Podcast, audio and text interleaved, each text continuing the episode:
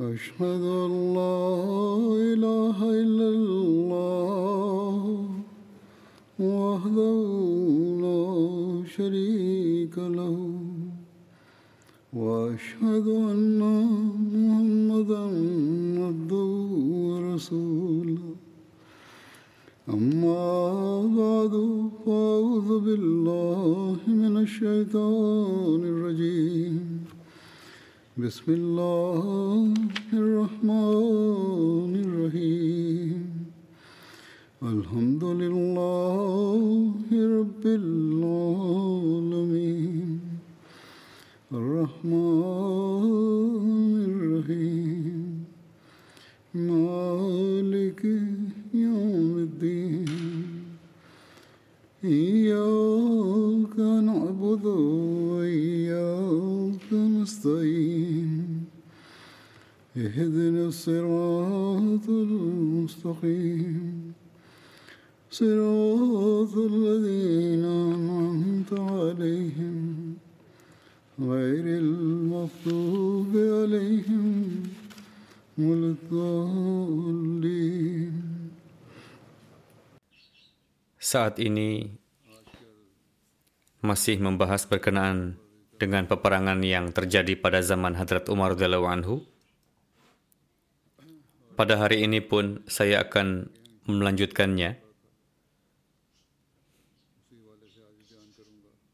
Perang Buaib yang terjadi pada 13 Hijriah sedangkan sebagian sejarawan berpendapat bahwa perang tersebut terjadi pada 16 Hijriah. Setelah mengalami kekalahan pada perang Jisir, Hazrat Musanna melaporkan perihal perang kepada Hazrat Umar. Hazrat Umar bersabda kepada pengirim pesan, "Kembalilah dan katakan kepada laskar muslim untuk tetap di tempat di mana berada saat ini. Bantuan akan segera datang." Kekalahan pada Perang Jisir telah membuat Hazrat Umar sangat menderita. Kemudian Hazrat Umar mengutus para khotib ke seluruh Arab untuk mengobarkan kembali semangat umat di seluruh Arab dengan pidatonya. Kemudian kabilah-kabilah Arab mulai berdatangan dengan penuh antusias untuk bergabung dalam peperangan, bahkan kabilah-kabilah Kristen juga. Jadi tidak hanya kabilah Muslim, bahkan kabilah Kristen juga. Lalu Hazrat Umar memberangkatkan satu laskar pasukan muslim ke Irak, begitupun Hazrat Musanna mengumpulkan pasukan dari daerah-daerah perbatasan Irak. Ketika Rustam mendapatkan kabar tersebut, ia memberangkatkan satu laskar pasukan bersama dengan Mahran untuk menghadapi pasukan muslim. Kedua pihak pasukan saling berhadap-hadapan di Hira, sebuah kota yang berjarak 3 mil dari Kufah, di mana tidak jauh dari kota tersebut terdapat sungai yang bernama Buaib, yang terletak dekat dengan Kufah dan mengalir dari sungai Firat.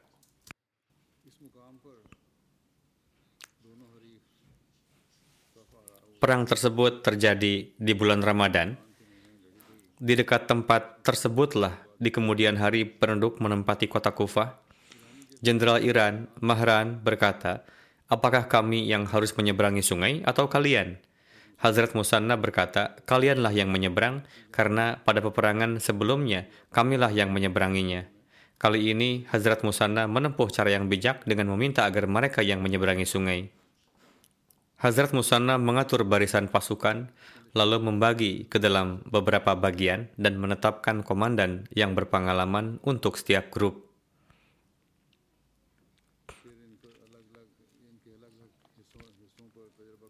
Kemudian beliau mengendarai kudanya yang terkenal bernama Shamush untuk mengitari pasukan dan melakukan pengecekan. Beliau berhenti di setiap bendera untuk memberikan arahan. Sambil menyemangati pasukan, beliau bersabda, Saya harap pada hari ini Arab tidak tercoreng karena kalian. Demi Tuhan, aku menyukai untuk diriku sendiri pada hari ini apa yang baik dalam pandanganku bagi orang pada umumnya di antara kalian, yakni saya dan kalian sama. Para pejuang Islam yang gagah berani menyambut seruan komandan yang tercinta dengan ucapan labaik yang penuh semangat. Bagaimana tidak? Sebab dalam setiap ucapan dan perbuatannya, sang komandan selalu memperlakukan mereka dengan sangat adil, menemani pasukan dalam suka maupun duka, sehingga tidak ada yang berani untuk mengangkat telunjuk atau suatu perkataannya. Hazrat Musanna memberikan arahan kepada Lashkar dengan mengatakan, Aku akan mengucapkan tiga takbir, sementara kalian bersiagalah. Seketika mendengar takbir yang keempat, gempurlah musuh. Hazrat Musanna lalu menirikan takbir yang pertama, kemudian pasukan Irak segera menyerang. Untuk itu pasukan muslim pun merespon cepat, yakni setelah takbir pertama, beberapa orang dari kabilah Banu Ajal keluar dari barisan, lalu maju untuk menghadapi serangan. Dengan begitu timbul kekosongan dalam barisan. Kemudian Hazrat Musanna memberikan pesan kepada seseorang dan mengirimnya kepada mereka. Pesannya sebagai berikut, Komandan Laskar menyampaikan salam dan berkata, pada hari ini janganlah mencoreng nama baik umat Islam. Setelah itu, kabilah tersebut terkontrol. Kemudian, setelah terjadi perang yang dahsyat, pasukan Iran diserbu. Diriwayatkan bahwa korban yang tewas dari pihak pasukan Iran berjumlah 100 ribu. Jenderal Laskar Iran pun terbunuh pada perang tersebut. Perang tersebut juga disebut dengan Yamul Ashar karena pada perang tersebut, 100 serdadu di antaranya adalah orang yang tangguh, yang mana setiap orang dari mereka telah membunuh 100 orang. Setelah terdesak, pasukan Iran bergerak menuju jembatan untuk menyeberangi sungai, lalu menuju tempat yang aman. Namun Hazrat Musanna membawa pasukannya untuk mengejar lawan, sehingga dapat mengepung mereka sebelum dapat menyeberangi jembatan. Jembatan dirobohkan sehingga menewaskan banyak sekali pasukan musuh. Setelahnya, Hazrat Musanna menyesali hal itu, mengatakan, Kenapa saya mengejar pasukan lawan yang sudah terdesak? Seharusnya saya tidak melakukannya, karena itu adalah kesalahan besar. Tidaklah pantas bagi saya untuk menggempur lawan yang sudah tidak berdaya untuk melawan. Saya tidak akan pernah mengulanginya lagi. Selanjutnya, beliau menasihati umat Muslim dengan mengatakan, "Kalian pun jangan pernah melakukan seperti apa yang telah saya lakukan ini." Seperti itulah akhlak yang dimiliki oleh pasukan muslim. Dalam peperangan tersebut telah syahid juga beberapa orang ternama dari pihak muslim, misalnya Khalid bin Hilal dan Mas'ud bin Haritha.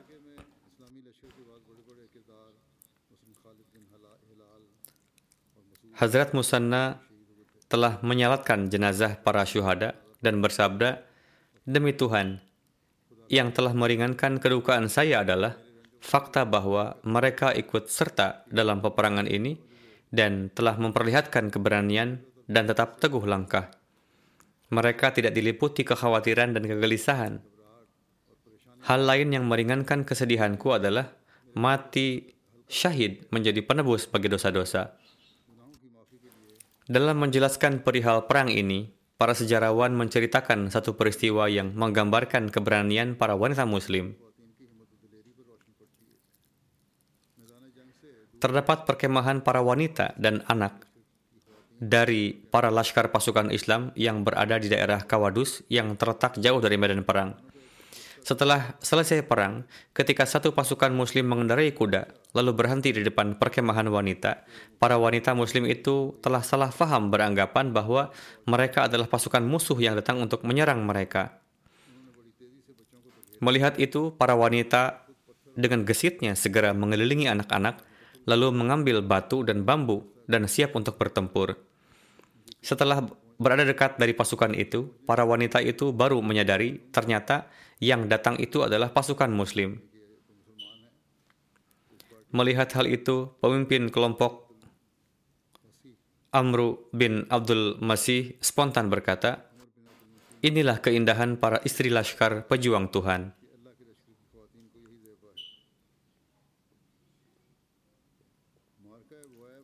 Perang Buaib telah berakhir, namun di belakangnya meninggalkan tanda dan jejak yang dalam. Dalam misi Islam sebelumnya di Iran, umat Islam tidak pernah mengalami korban jiwa sebanyak itu. Dampak positif dari perang tersebut adalah pijakan kaki umat Islam semakin kokoh di daerah daerah sekeliling Irak, telah menguasai Sawade Irak hingga ke Dajlah, dan dengan peperangan yang ringan saja, pasukan Muslim dapat menaklukkan daerah-daerah sekelilingnya yang mana sebelumnya ditinggalkan. Laskar pasukan Iran dalamnya melihat keselamatan, yakni setelah terpukul mundur dapat tinggal sementara di ujung lain Dajlah. Setelah kemenangan tersebut, umat Muslim menyebar di berbagai daerah di Irak. Selanjutnya Perang Qadisiyah yang terjadi pada 14 Hijriah. Qadisiyah adalah tempat di Irak yang ada saat ini dan berjarak 45 mil dari Kufah. Pada zaman kekhalifahan Hadrat Umar pada 14 Hijriah telah terjadi peperangan di daerah Qadisiyah antara pasukan Muslim dan pasukan Iran. Sebagai hasilnya, Kesultanan Irak berada di bawah kekuasaan pasukan Muslim. Ketika bangsa Persia mengetahui sepak terjang pasukan Muslim, mereka berkata kepada kedua pimpinan, yakni Rustam dan Ferozan, mengatakan, kalian satu sama lain saling berselisih. Kalian telah melemahkan bangsa Persia dan memberikan semangat kepada musuh. Sekarang kondisinya sudah sedemikian rupa, yakni jika kita tetap demikian adanya, maka Iran akan hancur karena daerah yang dekat dengan Baghdad, Sabat, Madain, dan Tikrit adalah kota terkenal yang terletak di antara Baghdad dan Mosul. Terletak 30 mil dari Baghdad. Setelah itu, saat ini hanya tersisa kota Madain. Jika kalian berdua tidak sepakat, maka kalian dulu yang akan kami binasakan. Kemudian kami sendiri yang akan binasa dan mendapatkan ketentraman, yakni kami sendiri yang akan berperang. Kemudian Rustam dan Ferozan memecat Boran, lalu mendudukan Yazdajar di atas tahta, yang saat itu masih berusia 21 tahun. Seluruh benteng pertahanan pasukan diperkuat. Ketika Hadrat Umar melaporkan rencana-rencana bangsa Persia tersebut, beliau bersabda, Demi Tuhan, aku akan menghadapi para pembesar bangsa asing ini dengan para pembesar Arab juga.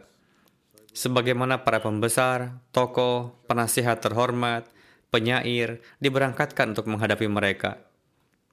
Begitu juga memerintahkan kepada Hadrat Musanna untuk keluar dari daerah asing tersebut menuju daerah pantai yang berada di perbatasan kalian dan mereka. Beliau juga memerintahkan kabilah Rabi'ah dan orang-orang Madar untuk ikut serta. Hadrat Umar mengutus para nakib ke berbagai empat penjuru Arab dan memerintahkan para pemimpin dan tokoh untuk berkumpul di Makkah. Karena waktu ibadah haji sudah dekat, Hadrat Umar berangkat ke haji. Ketika haji, kabilah-kabilah Arab berkumpul dari berbagai tempat. Sekembalinya beliau dari ibadah haji, saat itu tengah berkumpul satu laskar besar Hadrat Umar sendiri memimpin laskar tersebut dan menetapkan Hadrat Ali sebagai amir di Madinah, lalu berangkat. Kemudian memasang kemah di Sirar. Sirar adalah sumber mata air yang berjarak 3 mil dari Madinah. Dikatakan, belum saja Hadrat Umar memutuskan untuk ikut berperang, Memang beliau telah berangkat dengan membawa laskar, namun belum memutuskan apakah beliau pun akan berangkat atau akan menetapkan seseorang sebagai komandan lalu mengirimkannya. Alhasil, tertulis dalam tarikh Tabari bahwa Hadrat Umar meminta musyawarah. Semuanya memberikan saran kepada beliau untuk berangkat ke Persia. Mereka mengatakan bawalah pasukan di bawah komando Tuan sendiri. Hingga tiba di Sirar, Hadrat Umar tidak meminta saran dari siapa pun. Namun, Hadrat Abdurrahman adalah termasuk di antara yang tidak menyetujui beliau berangkat. Selebihnya menyetujui agar beliau berangkat dengan membawa laskar. Lain halnya dengan Hadrat Abdurrahman. Hadrat Abdurrahman berkata, sebelum ini saya tidak pernah mengorbankan kedua orang tuaku atas apa pun selain dari Rasulullah dan tidak juga akan melakukan hal itu pasca kewafatan Rasulullah. Namun pada hari ini saya katakan, wahai orang yang kepadanya aku rela mengorbankan kedua orang tuaku, serahkanlah keputusan terakhir akan hal ini kepada saya. Jadi beliau mengatakan demikian kepada Hadrat Umar. Kemudian beliau memberikan musyawarah kepada Hadrat Umar, mohon Tuan bertahan di daerah Sirar, berangkatkanlah satu laskar besar dari sini, Beliau mengatakan, dari sejak semula hingga saat ini, Anda telah melihat bagaimana putusan Allah Ta'ala berkenaan dengan Laskar Tuan. Jika pasukan Tuhan mengalami kekalahan, maka itu tidak akan seperti kekalahan Anda. Jika Anda syahid atau kalah, saya khawatir jangan sampai umat muslim tidak akan dapat mengucapkan takbir lagi, tidak juga akan dapat memberikan kesaksian la ilaha illallah. Setelah mengadakan majelis syuro yang dihadiri oleh para sahabat yang memiliki gagasan banyak dan terpilih, Hadrat Utsman, Hadrat Umar mengadakan acara yang biasa. Di dalam acara tersebut, Hazrat Umar berpidato. Beliau bersabda, Allah Ta'ala mengumpulkan manusia dalam Islam dan menyemaikan rasa cinta di dalam kalbu satu sama lain. Islam telah menjadikan semuanya bersaudara dan kondisi-kondisi umat Islam satu sama lain layaknya satu tubuh, yakni jika satu bagian tubuh merasakan sakit, maka bagian yang lainnya akan ikut merasakannya. Untuk itu, perlu bagi umat Islam supaya urusan di antara mereka satu sama lain diputuskan secara musyawarah. Khususnya, mintalah musyawarah dari orang-orang yang bijak di antara mereka.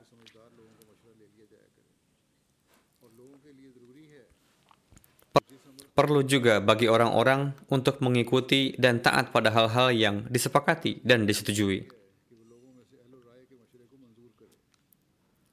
adalah perlu bagi seorang amir untuk menyetujui musyawarah yang baik dalam memberikan gagasan di antara orang-orang, apa pun gagasan mereka yang berkaitan dengan publik, apa pun upaya mereka berkenaan dengan peperangan.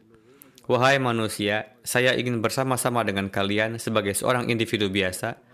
Hadrat Umar bersabda, saya ingin bersama-sama dengan kalian sebagai seorang individu biasa Tadinya saya ingin ikut serta dalam perang, namun para pemilik kegasan yang baik dari antara kalian menghentikan saya dari itu. Untuk itu, saat ini saya memutuskan untuk tidak pergi dan atau mengutus orang lain untuk ini. Pada saat itu, Hadrat Umar mencari seseorang. Ketika itu, beliau menerima surat dari Hadrat Sa'ad. Hadrat Sa'ad ketika itu mendapatkan tugas untuk mengurusi sedekah di Najd. Hadrat Umar bersabda, Beritahukan saya nama seseorang yang bisa dijadikan sebagai komandan. Hadrat, Hadrat Abdurrahman berkata, Anda telah mendapatkan orangnya. Hadrat Umar bertanya, siapa dia? Hadrat Abdurrahman berkata, singa yang menyembunyikan kukunya, Sa'ad bin Malik, yakni Sa'ad bin Abi Waqqas. Selebihnya pun mendukung saran ini. Tertulis dalam tarikh Tabari, Hadrat Umar menunjuk Hadrat Sa'ad sebagai amir lalu menasihatkan, Wahai Sa'ad, kamu jangan beranggapan bahwa kamu disebut sebagai paman Rasulullah dan sahabat karena Allah Ta'ala tidaklah menghapuskan keburukan dengan keburukan, melainkan dengan kebaikan. Di antara Allah dan hamba, tidak ada hubungan lain selain ketaatan.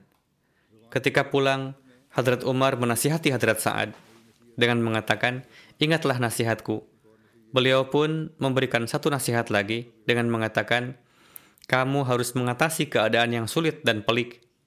Terapkanlah kebiasaan pada diri dan kawan-kawan untuk melakukan kebaikan, dan mohonlah kemenangan dengan perantaraan itu. Ingatlah bahwa terdapat sarana untuk menerapkan setiap kebiasaan. Adapun sarana untuk membiasakan dalam kebaikan adalah kesabaran. Jika kamu bersabar, maka kamu akan terbiasa dengan kebaikan. Jadi, setiap kesulitan yang kamu hadapi, penderitaan yang kamu alami, bersabarlah dalam menghadapinya, karena dengan begitu kamu akan meraih rasa takut kepada Allah Ta'ala. Selanjutnya, beliau bersabda, bawalah pasukan muslim dan bergeraklah dari Syaraf menuju Iran. Syaraf adalah sumber mata air. Beliau berkata, kumpulkanlah pasukan di sini dan berangkatlah dari sini. Bertawakallah kepada Allah Ta'ala. Mohonlah bantuan darinya dari dalam segala hal, ingatlah bahwa kalian akan pergi untuk menghadapi suatu bangsa yang jumlahnya sangat banyak. Pernyataan lengkap, kekuatan perang mereka sangat baik. Kalian pun akan pergi untuk menghadapi daerah-daerah yang keras dan terlindungi dari sisi peperangan. Meskipun disebabkan oleh kesuburan dan irigasinya, itu adalah daerah yang baik. Perhatikan, jangan sampai terkecoh oleh mereka, karena mereka adalah orang yang licik dan penipu. Ketika tiba di Karsiah nanti, kalian akan berada di penghujung daerah pegunungan dan awal penghujung daerah lapang. Untuk itu, tetaplah di tempat itu, jangan meninggalkannya. Yakni, beliau pun memberitahukan tempatnya.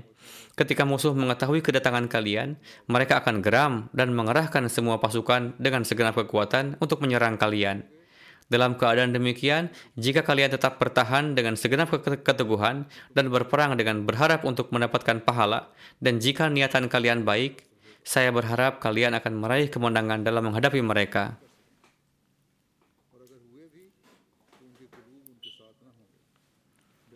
Jikalau mereka bersatu, hati mereka tidak menyertai mereka. Mereka akan berperang dengan hati yang takut.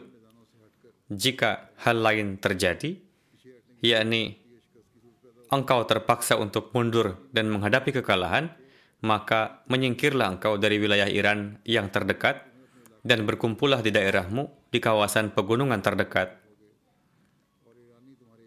Dengan ini, kalian semua akan lebih berani di daerahmu, karena kalian lebih mengetahui daerahmu, sementara kaum Iran akan merasa takut karena mereka tidak mengetahui daerah itu hingga Allah Ta'ala kelak memberi kesempatan kepada kalian untuk menang atas mereka. Kalian memang meyakini bahwa kemenangan akan diraih. Jika untuk sementara muncul keadaan seperti demikian, namun kemenangan terakhir adalah milik kalian. Alhasil semua pergerakan pasukan ini adalah sesuai dengan petunjuk rinci dari Hadrat Umar yang dikirim dari Madinah. Tabari menulis, Hadrat Umar pun menetapkan tanggal pemberangkatan prajurit dari Syaraf Beliau pun memberi petunjuk agar para prajurit saat tiba di Qadisiyah, mereka bermalam di tempat antara Azibul Hazanat dan Azibul Kawadis, dan hendaknya barisan para prajurit disebar ke arah timur dan barat. Azib adalah satu dermaga sungai yang terletak di antara Qadisiyah dan Mugisah, yang berjarak 4 mil dari Qadisiyah dan 20 mil dari Mugisah dari isi surat Hadrat Umar ke Hadrat Sa'ad bin Abi Waqas, diketahui bahwa di sana terdapat dua azib, dan ini dikuatkan juga oleh sejarah. Hadrat Umar mengirim Hadrat Sa'ad bin Abi Waqas bersama 4.000 mujahidin ke Iran, lalu bertambah dengan 2.000 prajurit Yaman dan 2.000 prajurit Najd. Di perjalanan ada 3.000 prajurit Banu Asad dan ada 1.700 prajurit Yaman dari kabilah Ash'ath bin Qais Kandi yang bergabung. Jumlah prajurit muslim pun berangsur angsur bertambah. Bersama pasukan yang telah ada, jumlah seluruhnya menjadi lebih dari 30 ribu prajurit. Keunggulan pasukan ini dapat dilihat dari jumlah para sahabat, di dalamnya itu 99 sahabat yang telah ikut di Perang Badar bersama Rasulullah. Tabari menyebutkan jumlahnya adalah lebih dari 70 sahabat. Ada sejumlah 310 lebih sahabat yang mendapat karunia dekat dengan Rasulullah. Sejak permulaan Islam hingga peristiwa Bayat Ridwan, terdapat 300 sahabat yang ikut di peristiwa Fatah Makkah. Ada 700 orang yang meskipun bukan sahabat, mereka mendapat kedudukan mulia sebagai anak dari sahabat. Setiba di Syaraf, Hadrat Sa'ad bin Abi Waqas bermukim di sana bersama 8.000 prajurit. Masna yang sedang berada di Zulkar'ah, dermaga sungai yang ada di dekat Kufah, dan tengah menunggu bantuan dari pasukan muslim, beliau wafat di saat itu. Masna menunjuk Bashir bin Khasasiyah sebagai penggantinya. Masna wafat di sana. Setiba di Syaraf, Hadrat Sa'ad melaporkan rincian keadaan pasukan yang tengah bermukim kepada Hadrat Umar. Dengan ini Hadrat Umar menetapkan sendiri pengaturan pasukan dan menuliskan, bagilah seluruh pasukan ke dalam regu-regu berisi 10 jurid, prajurit dan mengangkat setiap kepala regu Lalu angkatlah satu komandan untuk semua kepala regu, lalu hitunglah jumlah prajurit yang dibutuhkan, dan berangkatlah mereka ke Kadesiyah. Lalu tunjuklah regu Mughirah dan Syubah untuk berperang langsung di bawah engkau. Hadrat Umar memberi petunjuk kepada Hadrat Sa'ad supaya regu Mughirah bin Syubah berada langsung di bawah komandonya. Lalu kirimlah rincian keadaan setelahnya, yaitu teruslah sampaikan kepada saya apa pun perkembangan yang terjadi setiap harinya. Hadrat Sa'ad lalu mengatur pasukan sesuai petunjuk-petunjuk tersebut, kemudian mengirimkan situasi secara rinci kepada Hadrat Umar. Pengaturan agar menunjuk ketua regu setiap 10 prajurit adalah kebiasaan yang telah ada sejak Rasulullah SAW. Di satu surat lain, Hadrat Umar menulis kepada Hadrat Sa'ad, Nasihatilah dirimu secara terus-menerus dan nasihatilah prajuritmu secara terus-menerus. Tempuhlah kesabaran, tempuhlah kesabaran, karena ganjaran dari Allah Ta'ala adalah sesuai dengan niatnya. Tanggung jawab yang ada di pundak engkau dan upaya yang engkau hadapi, jalanilah dengan penuh kehati-hatian. Jalanilah dengan penuh kehati-hatian. Mohonlah perlindungan kepada Tuhan dan ucapkanlah la haula wala quwata illa billah sebanyak-banyaknya. Sampaikanlah kepada saya keberadaan terkini pasukan engkau dan siapakah yang diangkat sebagai panglima pasukan musuh engkau. Karena ada beberapa petunjuk yang tidak dapat saya sampaikan disebabkan saya tidak mengetahui sepenuhnya keadaan-keadaan musuh. Kirimkanlah ulasannya secara rinci, maka saya akan memberikan petunjuk selanjutnya. Alhasil, kirimkanlah rincian keadaan pasukan muslim dan rincian keadaan yang berkembang antara engkau dan ibu kota kerajaan Iran, yaitu Madain kepada saya, hingga seolah-olah saya melihatnya dengan mata kepala sendiri, yakni tulislah semua hal secara terperinci. Sampaikanlah semua keadaanmu sejelas-jelasnya kepada saya dan takutlah kepada Allah Ta'ala. Dan berharaplah hanya kepadanya dan jalanilah tugas ini dengan penuh ketakwa, ketawakalan kepadanya. Tanamlah sikap takut bahwa Tuhan akan menggantimu dengan kaum lain dalam menyelesaikan tugas ini. Yakni senantiasalah bersikap takut kepada Tuhan. Jangan menganggap bahwa yang mengangkatmu adalah seorang makelar jika engkau tidak memikul tanggung jawab ini dengan baik, maka Allah Ta'ala lah yang akan menyingkirkan engkau dari pekerjaan ini dan akan datang sosok lain yang akan menyelesaikannya karena misi ini pasti akan terjadi. Setiba di Qadisiyah, Hadrat Sa'ad mengirimkan lokasi dan rincian keempat sisi pasukan beliau kepada Hadrat Umar. Hadrat Umar memberi jawaban, tetaplah bertahan di kampmu hingga musuh sendiri datang untuk menyerang.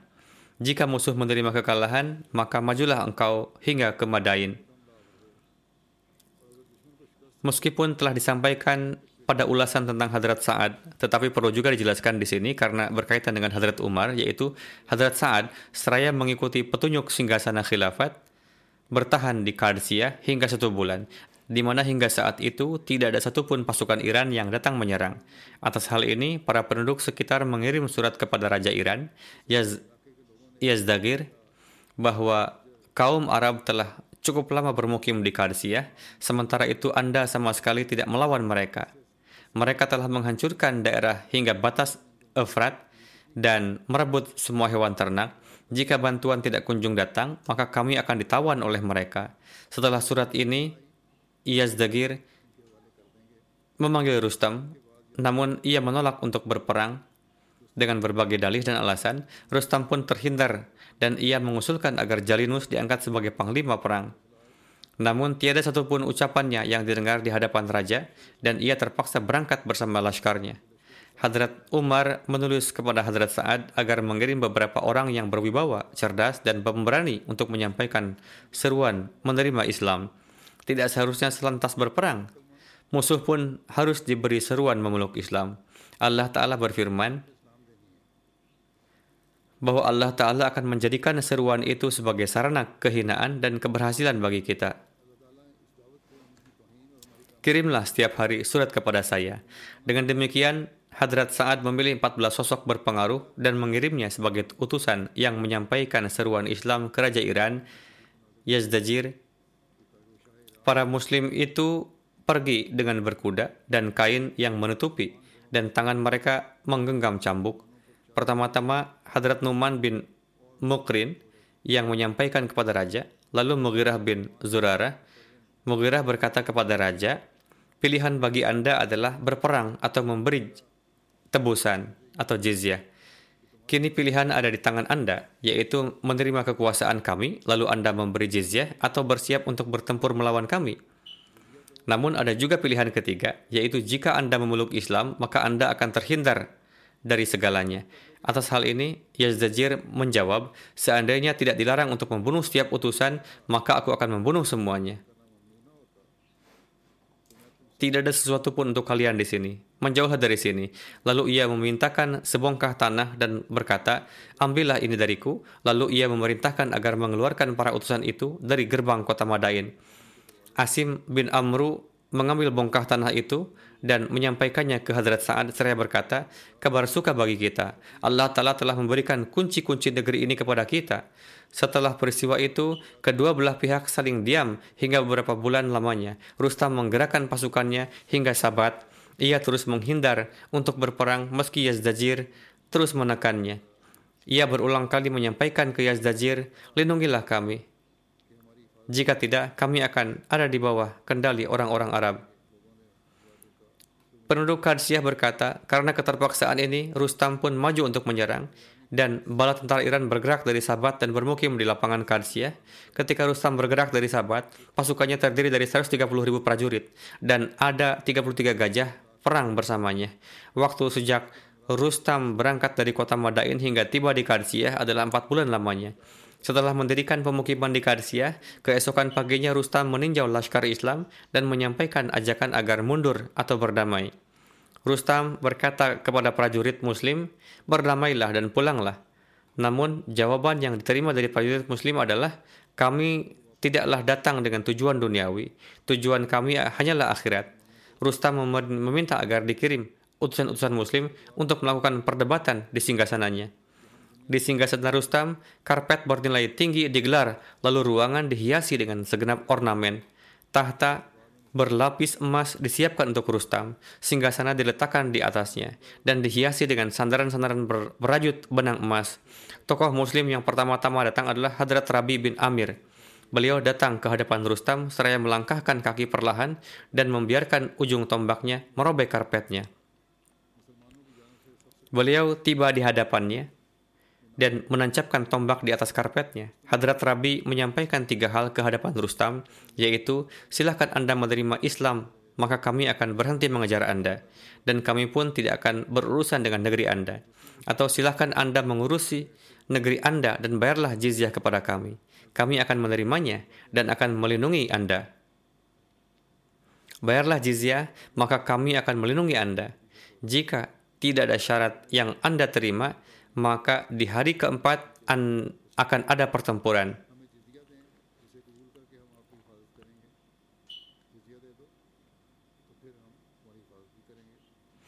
Kami tidak akan memulai pertempuran di hari di tiga hari itu. Adalah mungkin di hari keempat akan ada pertempuran, tetapi kami tidak akan memulai pertempuran pada tiga hari itu. Namun jika Anda memulai pertempuran, maka kami akan terpaksa membalasnya. Di hari selanjutnya Hadrat Sa'ad mengirim Huzaifah bin Mahsan. Beliau pun mengulang ketiga hal yang disampaikan Hadrat Rabi. Di hari ketiga, Hadrat Mugirah bin Syubah pergi. Ketika beliau telah selesai menuturkan seperti apa yang kedua sahabat beliau telah sampaikan yaitu Islam, jizyah, dan perang. Maka Rustam berkata, kalian semua pasti akan binasa. Atas hal ini Hazrat Mugirah berkata, siapa saja yang akan terbunuh dari kami, mereka akan pergi ke surga. Dan siapa saja yang akan terbunuh dari anda sekalian, mereka akan pergi ke neraka. Siapa saja yang akan yang kelak hidup dari kami, maka akan senantiasa berjaya atasmu. Mendengar ucapan Hadrat Mugirah, Rustam sedemikian marah dan bersumpah, demi matahari, hari esok tidak akan terbenam sebelum kami menebas engkau semua. Setelah Hadrat Mugira, Hadrat Sa'ad pun mengirim beberapa tokoh muslim bijaksana ke singgasana Rustam dan mereka kembali di malam hari. Hadrat Sa'ad memerintahkan pasukan muslim untuk bersiap di parit dan mengirim pesan ke pasukan Iran bahwa mereka lah yang harus menyeberang sungai. Jembatan yang ada telah dikuasai pasukan muslim sehingga pasukan Iran harus membuat jembatan di tempat lain untuk menyeberangi sungai Atik Ketika menyeberangi jembatan, Rustam berkata, besok kita akan melumat pasukan muslim. Seorang di depannya menyahut, seandainya Allah menghendaki. Ada seorang di antara temannya yang mengatakannya, mungkin saja ia pun percaya kepada Allah Ta'ala. Atas hal ini, Rustam berkata, jika Allah tidak menghendaki, nauzubillah, kami pun akan melumatnya. Pasukan muslim telah merapatkan barisannya. Hadrat Sa'ad yang tengah menderita sakit bengkak, saat itu beliau jatuh sakit, yaitu penyakit skiatika atau nyeri saraf panggul sehingga beliau tidak sanggup duduk. Beliau terus berbaring miring. Beliau meletakkan bantal di bawah pundak beliau sebagai sandaran. Beliau mengawasi pasukan muslim dari atas istana Qadisiyah atau dari tempat memantau yang berada di atas pohon besar. Hadrat Sa'ad menunjuk Khalid bin Arfatah sebagai wakil panglima. Hadrat Sa'ad bersabda kepada segenap pasukan muslim akan pentingnya berjihad dan mengingatkan akan janji kemenangan dari Allah. Pasukan Persia telah berada di sisi sungai Atik. Sungai Atik adalah cabang dari sungai Efrat. Sementara itu pasukan muslim telah berada di dekat dinding Kodalis dan Parit. Kodalis adalah sebuah area di dekat Karsia yang berada satu mil dari sungai Atik. Di dalam pasukan Iran terdapat 30 ribu prajurit yang saling terhubung dengan rantai, yakni satu sama lain terikat dengan rantai supaya tidak ada yang sanggup lari. Hadrat Sa'ad memerintahkan pasukan muslim untuk membaca surah Anfal. Ketika ini ditilawatkan, muncul ketenangan dalam diri segenap muslim. Setelah menunaikan salat zuhur, mulailah pertempuran antara pasukan muslim melawan bangsa Persia. Mereka mendatangkan banyak kerugian pada pasukan muslim, Hadrat Asim seraya memanggil pasukan pemanah ulung dari kabilah Banu Tamim, beliau bersabda, Seranglah para penunggang gajah dengan panah-panah engkau dan menyeru kepada segenap prajurit pemberani agar menyerang belakang gajah dan memotong pelananya. Alhasil, tidak ada gajah tersisa yang masih ditunggangi. Pertempuran berlanjut meski telah terbenam matahari Di hari pertama, 500 prajurit muslim dari kabilah Banu Asad mati syahid. Hari itu dinamakan Yaumu Armaf, yakni hari kesusahan. Pada hari kedua, Hadrat Sa'ad memimpin penguburan para syuhada dan mengirim para prajurit terluka kepada kaum wanita agar mereka dapat merawatnya. Di saat itu, datang bantuan bala tentara muslim dari Syam. Hadrat Hashim bin Utbah bin Abi Waqqas adalah amir bagi pasukan tersebut. Bagian pertama pasukan ini dipimpin oleh Hadrat Ka'ka bin Amru. Ka'ka dengan cepat menggerakkan pasukannya dan bertemu dengan Laskar di Irak pada pagi harinya. Ka'ka dengan piawai membagi pasukannya ke dalam regu berisi 10 prajurit yang diberangkatkan secara berangsur setelah jarak tertentu sehingga Laskar Islam seperti beriringan dalam formasi beregu. Setiap regu secara bergiliran mengumandangkan takbir sehingga seolah pasukan Islam yang bertempur terus-menerus menerima bala bantuan. Hadrat Kakak sendiri tiba sebagai regu pertama. Setibanya di medan pertempuran, beliau mengumandangkan salam ke pasukan muslim dan memberi kabar suka kedatangan bantuan bala tentara seraya menyeru, Wahai saudara, lakukan apa yang kami lakukan. Seraya mengatakannya, ia maju dan mencari lawan tanding. Mendengar ini, Bahman Jazwiyah muncul untuk melawan dan keduanya bertempur hingga Hadrat Kakak pun membunuhnya. Pasukan Muslim sangat gembira atas kematian Bahman Jazwiyah dan kedatangan bala bantuan prajurit Muslim. Terkait Hadrat Kakak, ada satu sabda Hadrat Abu Bakar yang melawan pasukan yang di dalamnya ada sosok seperti beliau adalah layak kalah.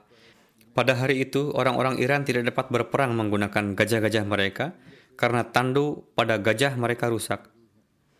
Oleh karena itu, sejak pagi mereka sibuk memperbaikinya.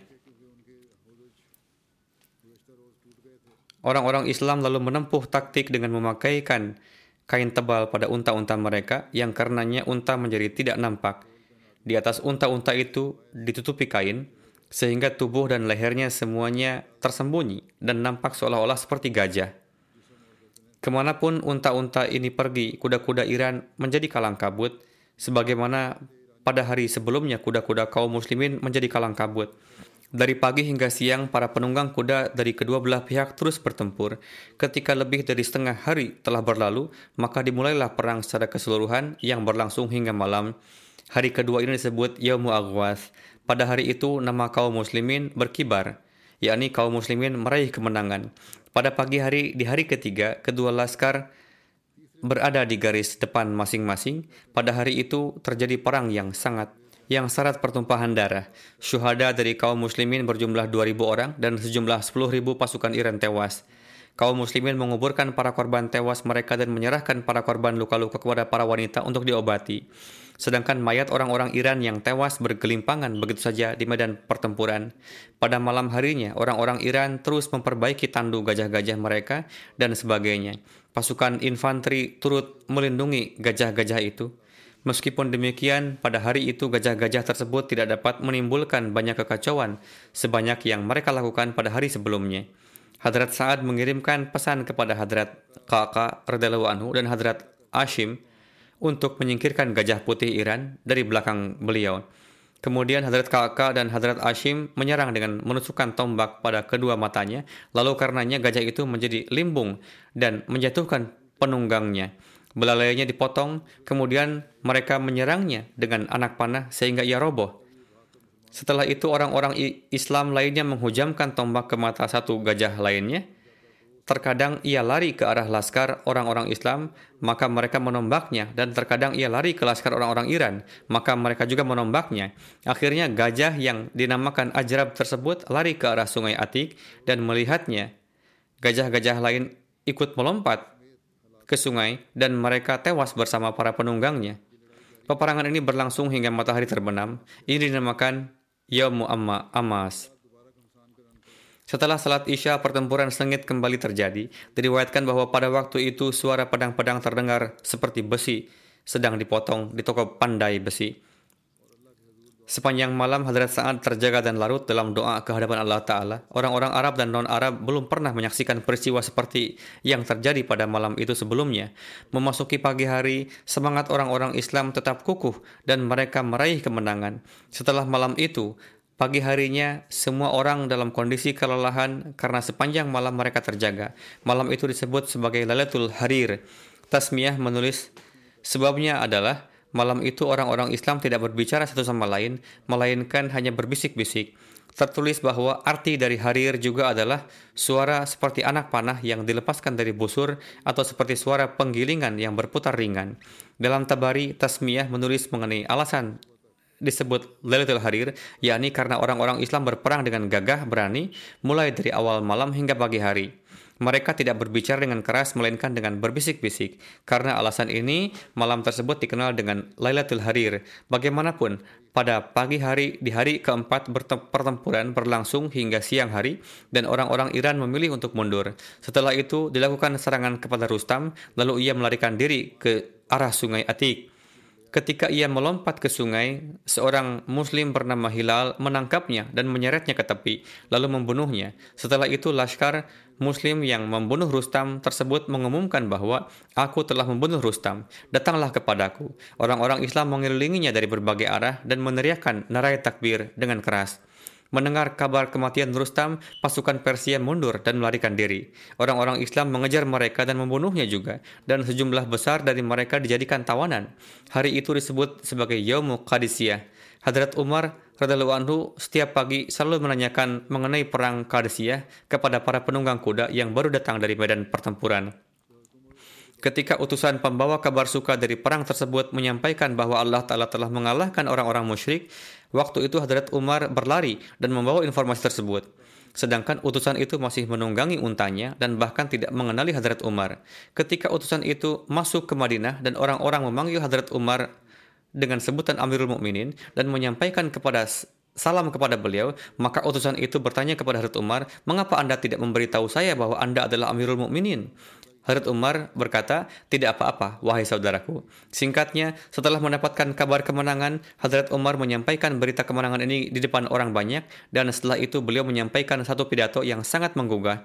Beliau memerintahkan supaya kehendaknya laskar tetap di posisi mereka, dan pasukan diorganisir kembali, dan memberikan perhatian pada perkara-perkara lainnya yang bisa diperbaiki. Hadrat Sa'ad menerima petunjuk dari Mahkamah Khilafah bahwa pada pertempuran Qadisiyah banyak sekali orang-orang dari pihak Iran yang sebelumnya telah melakukan perjanjian damai dengan orang-orang Islam dan beberapa dari mereka menyatakan bahwa pemerintah Iran telah mengikut sertakan mereka secara paksa berlawanan dengan keinginan mereka. Mereka tidak ikut serta berdasarkan keinginan mereka sendiri, melainkan karena terpaksa. Dan banyak dari orang-orang ini yang pernyataannya benar. Banyak orang yang dikarenakan perang meninggalkan wilayah itu, lalu pergi ke wilayah musuh dan kembali lagi.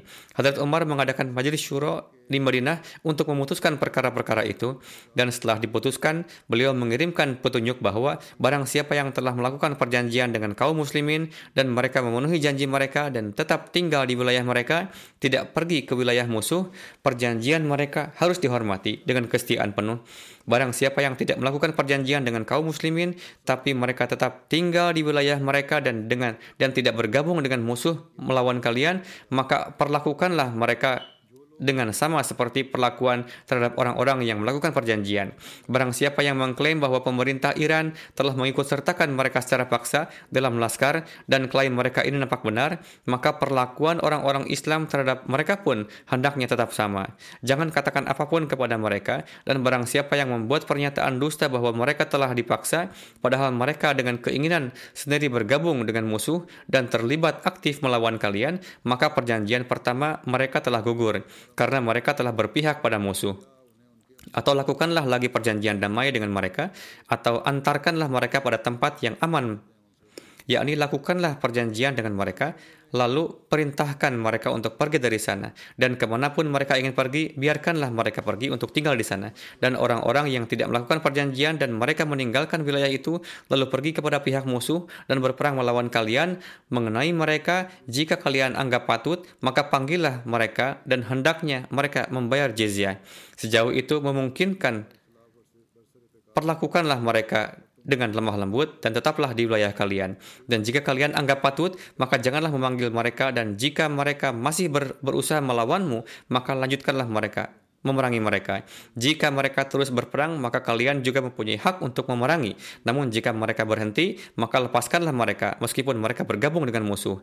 Perintah-perintah ini terbukti bermanfaat dan para penduduk daerah perbatasan pulang kembali dan tinggal di lahan-lahan mereka. Dan ini suatu contoh indah dari keberanian yang besar. Begitu besar keberanian itu sehingga orang-orang Islam bahkan memanggil orang-orang yang dalam kondisi yang sangat genting pergi bergabung dengan musuh dengan mengesampingkan perjanjian mereka untuk kembali meninggali lahan-lahan mereka. Meskipun Majelis Musyawarah Madinah memberikan izin kepada mereka bahwa jika kalian menghendaki, kalian boleh memanggil mereka untuk pulang kembali, atau jika kalian menghendaki, tidak perlu memanggil mereka dan bagikanlah lahan mereka di antara orang-orang Islam. Para ahli sejarah menyebutkan bahwa pada masa yang genting itu orang-orang yang melanggar perjanjian dipanggil pulang, lalu atas lahan mereka dikenakan pajak yang lebih besar dibandingkan dengan lahan pada umumnya. Hanya ada satu persyaratan yaitu, baiklah, kalian telah melanggar perjanjian, pulanglah dan tinggalilah lahan-lahan kalian, tapi pajak tanah kalian akan dikenakan lebih besar dibandingkan orang lain. Namun bagaimanapun juga, kalian tetap menjadi pemilik dari lahan-lahan tersebut. Perang ini meraih kedudukan penting dalam rangkaian penaklukan Iran. Para Iran, para pejuang muslim dengan langkah yang teguh dan gagah berani melawan musuh yang kuat. Dan para sejarawan menyebutkan bahwa tatkala mahkamah khalifah memutuskan untuk menetapkan biaya penghidupan bagi orang-orang, maka dalam kondisi demikian ini menjadi satu faktor pembeda. Hadrat Umar menetapkan gaji yang lebih besar bagi orang-orang yang ikut serta dalam pertempuran Qadisiyah. Saya akan sampaikan sebagian dari penjelasan Hadrat Muslim Maud mengenai perang Qadisiyah. Di zaman khilafat Hadrat Umar Anhu, setelah cucu Khusro Parvez yang bernama Yazdagir bertahta, maka di Irak mulailah persiapan-persiapan perang dalam skala luas menentang Islam. Dengan begitu, Hadrat Umar mengirim sebuah pasukan yang dipimpin oleh Hadrat Sa'ad bin Abi Waqqas untuk menghadapinya. Hadrat Sa'ad memilih Qadisiyah sebagai medan perang dan beliau mengirim petanya ke Hadrat Umar. Hadrat Umar menyukai tempat itu. Namun bersamaan dengan itu Hadrat Umar juga menulis, sebelum berperang dengan Raja Iran, kamu wajib mengutus satu rombongan perwakilan ke Raja Iran dan ajaklah dia menerima Islam. Begitu menerima perintah itu, Hadrat Sa'ad mengutus perwakilan untuk menemui Yazdagir, nama Raja Persia waktu itu. Ketika perwakilan ini sampai di istana Raja Iran, maka Raja Iran berkata pada penerjemahnya, Tanyakan pada orang-orang ini mengapa mereka datang ke sini dan mengapa mereka membuat kekacauan di negeri kita. Ketika penerjemah ini menanyakannya, maka pemimpin perwakilan Hadrat Nu'man bin Mukarrin berdiri dan menjawab dengan mengabarkan tentang kedatangan Rasulullah. Beliau berkata, Rasulullah memerintahkan kami untuk menyebarkan Islam dan mengajak seluruh orang di dunia masuk dalam agama yang benar. Atas dasar perintah itulah kami hadir di hadapan Anda dan mengajak Anda untuk bergabung ke dalam Islam. Dengan jawaban itu, Yazdagir sangat murka dan berkata, kalian adalah kaum liar dan pemakan bangkai. Jika kelaparan dan kemiskinan yang memaksa kalian untuk berperang, maka saya siap memberi kalian bahan makanan sedemikian rupa, sehingga kalian bisa menjalani hidup dengan tenang. Saya juga akan memberi kalian pakaian. Ambillah semua ini, dan kembalilah ke negeri kalian. Kalian hanya akan menyia-nyiakan nyawa kalian berperang dengan kami. Ketika dia menyelesaikan kata-katanya, maka dari antara perwakilan Islam, Hadrat Mughirah bin Zurarah bangkit dan berkata, Apa pun yang Anda katakan tentang kami, semuanya benar sekali. Kami memang dulunya orang-orang yang liar dan pemakan bangkai. Hingga ular, kalajengking, belalang, dan cicak pun dulu kami makan. Tapi Allah Ta'ala menurunkan karunia-Nya pada kami dan Dia mengirim Rasulnya untuk memberi kami petunjuk. Kami beriman padanya dan mengamalkan perintahnya. Sehingga sekarang terjadilah sebuah revolusi dalam diri kami dan semua keburukan yang ada yang Anda sebutkan itu sekarang sudah tidak ada lagi pada diri kami. Sekarang kami tidak datang demi suatu keserakahan. Perang kami dengan Anda sudah dimulai. Keputusannya nanti di medan perang. Jika memang ini pilihan Anda, jika Anda tidak menerima ajakan kami dan ingin berperang dengan kami, maka baiklah, kami juga akan berperang. Keserakahan harta duniawi tidak akan mengurungkan niat kami.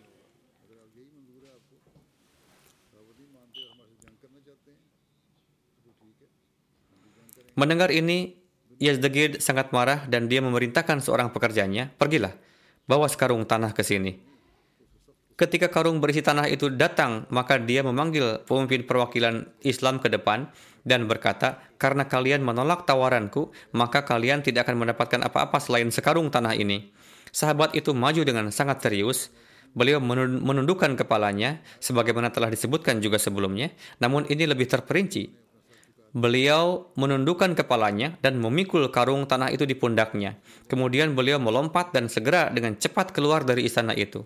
Beliau berkata pada teman-temannya dengan suara lantang, hari ini Raja Iran menyerahkan dengan tangannya sendiri tanah negerinya pada kita. Kemudian mereka menunggangi kuda dan beranjak dari sana dengan kecepatan penuh. Ketika sang raja mendengar ucapan beliau, maka dia mulai gemetar dan beliau memerintahkan penjaganya untuk membawa kembali karung tanah itu dari mereka. Dia berkata, ini suatu kesialan bahwa aku menyerahkan tanah negeriku pada mereka dengan tanganku sendiri.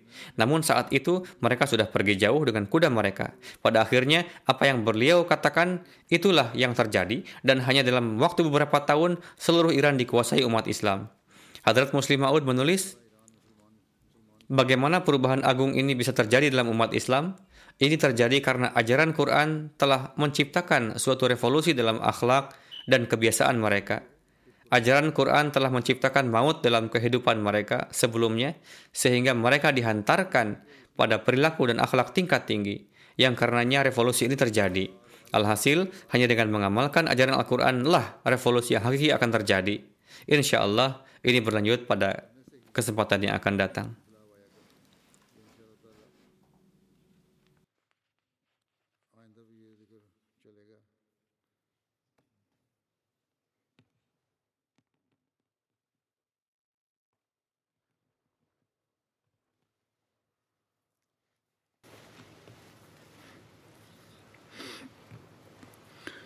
الحمد لله الحمد لله نحمده ونستعينه ونستغفره ونؤمن به ونتوكل عليه.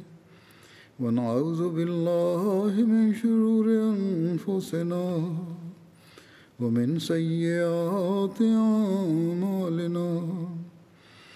من يهده الله فلا مضل له ومن يضلل فلا هادي له.